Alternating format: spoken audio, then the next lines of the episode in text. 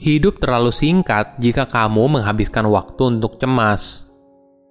Halo semuanya, nama saya Michael. Selamat datang di channel saya, Sikutu Buku. Kali ini saya akan bahas buku How to Stop Worrying and Start Living karya Dale Carnegie. Sebelum kita mulai, buat kalian yang mau support channel ini agar terus berkarya, caranya gampang banget. Kalian cukup klik subscribe dan nyalakan loncengnya. Dukungan kalian membantu banget supaya kita bisa rutin posting dan bersama-sama belajar di channel ini. Buku ini membahas bagaimana kita bisa berhenti cemas dan memikirkan sesuatu terus-menerus. Banyak orang memiliki kebiasaan untuk cemas dan khawatir atas sesuatu yang belum tentu akan terjadi di masa depan. Seperti yang pernah dikatakan oleh filsuf dari Yunani bernama Plato, pikiran dan tubuh berhubungan erat satu sama lain – Bahkan dokter terkenal Mayo bersaudara berpendapat hampir setengah pasien di rumah sakit menderita frustasi, cemas, gelisah, dan putus asa. Artritis misalnya adalah salah satu penyakit yang bisa disebabkan oleh kekhawatiran. Ada juga kasus medis lain yang menunjukkan bahwa rasa khawatir dapat meningkatkan kemungkinan penyakit kejiwaan dan diabetes. Itulah sebabnya kita harus hati-hati dengan perasaan khawatir dan cemas Bukan cuma khawatir dan cemas, kadang kita juga suka kesal dengan hal kecil. Ingat, hidup itu terlalu singkat untuk hal seperti itu. Dale percaya untuk mengubah lingkungan yang kita hadapi saat ini harus dimulai dari mengubah diri kita dulu. Saya merangkumnya menjadi tiga hal penting dari buku ini. Pertama, kebingungan akan membuat kamu cemas. Apa yang kamu rasakan apabila ada orang yang bilang ke kamu pada hari Minggu malam, kalau hari Senin besok kamu akan dijebloskan ke penjara untuk disiksa? Apakah kamu akan cemas? Mungkin saja, tapi ada caranya bagaimana kamu bisa mengatasi rasa cemas. Berdasarkan Herbert A. Hawks yang merupakan dekan dari Columbia College, kebingungan adalah faktor utama dari cemas. Kebanyakan orang cenderung tidak menganalisa situasi yang dihadapi ketika mereka cemas. Padahal ini merupakan langkah yang penting. Ada tiga langkah yang bisa kamu terapkan untuk mengatasi rasa cemas.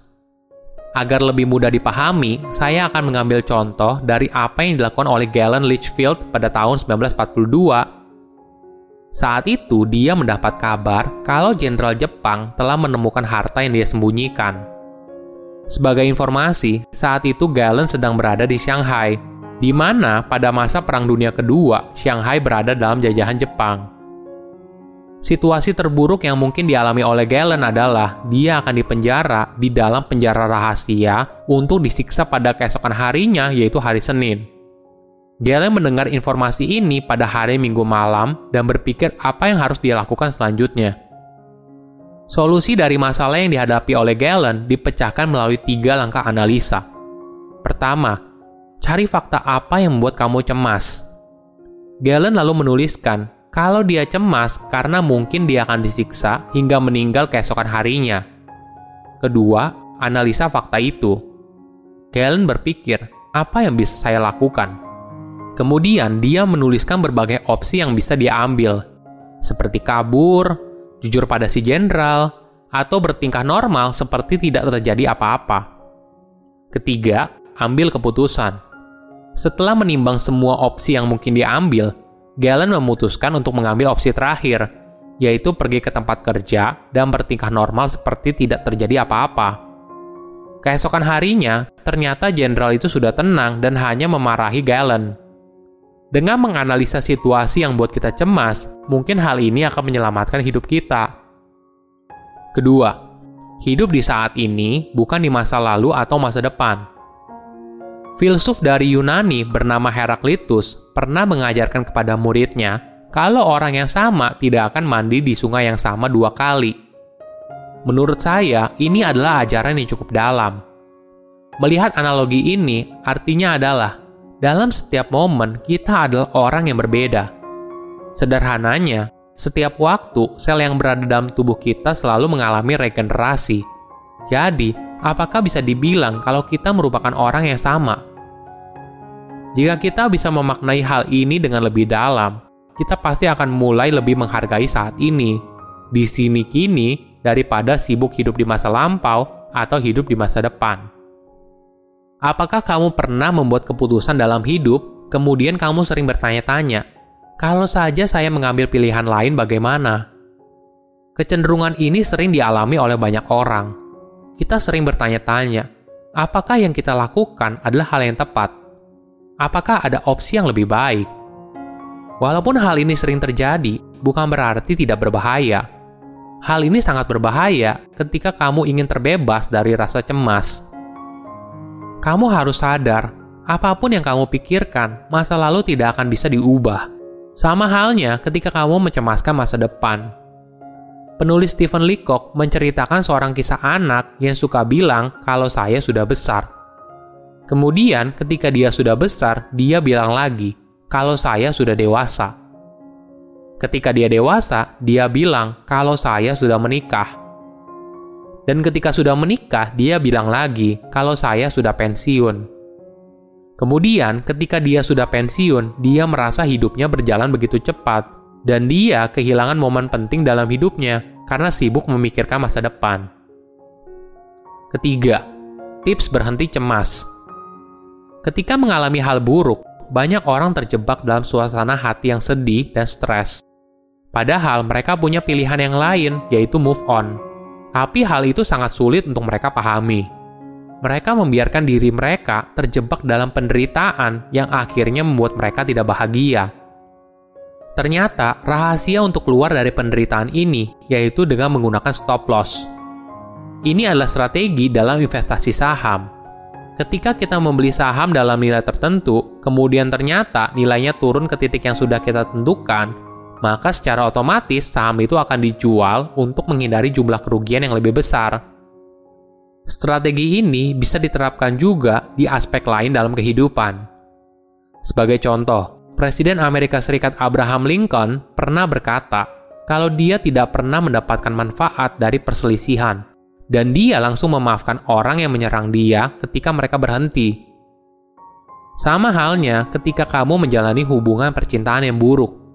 Kenapa kamu tidak memberikan batas untuk stop dan move on? Kenapa kamu masih terus bertahan dalam penderitaan? Kenapa kamu tidak memberikan dirimu kesempatan untuk bahagia?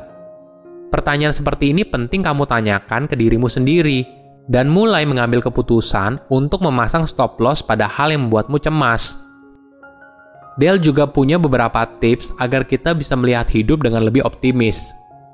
Pertama, hindari balas dendam. Kenapa kita tidak boleh balas dendam? Hal ini disebabkan kebencian kamu akan memberikan mereka kekuatan, melainkan lupakan saja hal itu. Memang tidak mudah, tapi percayalah, hidup kamu akan jauh lebih bahagia ketika kamu melepasnya. Kedua, jangan berharap orang lain akan berterima kasih ini adalah nasihat yang menurut saya bagus sekali. Ketika kita memberi, jangan berharap apa pun, bahkan kata terima kasih. Hal ini karena manusia sering kali tidak ingat untuk menunjukkan rasa syukur. Jadi, ketika kamu memberi, daripada berharap orang lain berterima kasih, berikan dirimu perasaan bahagia saat memberi. Ketiga, jangan pernah hitung masalah. Masalah tidak perlu dihitung, melainkan hitung berkat yang ada di dalam hidup kamu. Perspektif ini akan membuat kamu melihat dunia dari sudut pandang yang berbeda. Kamu akan sadar kalau 90% dari hidup kamu itu baik-baik saja.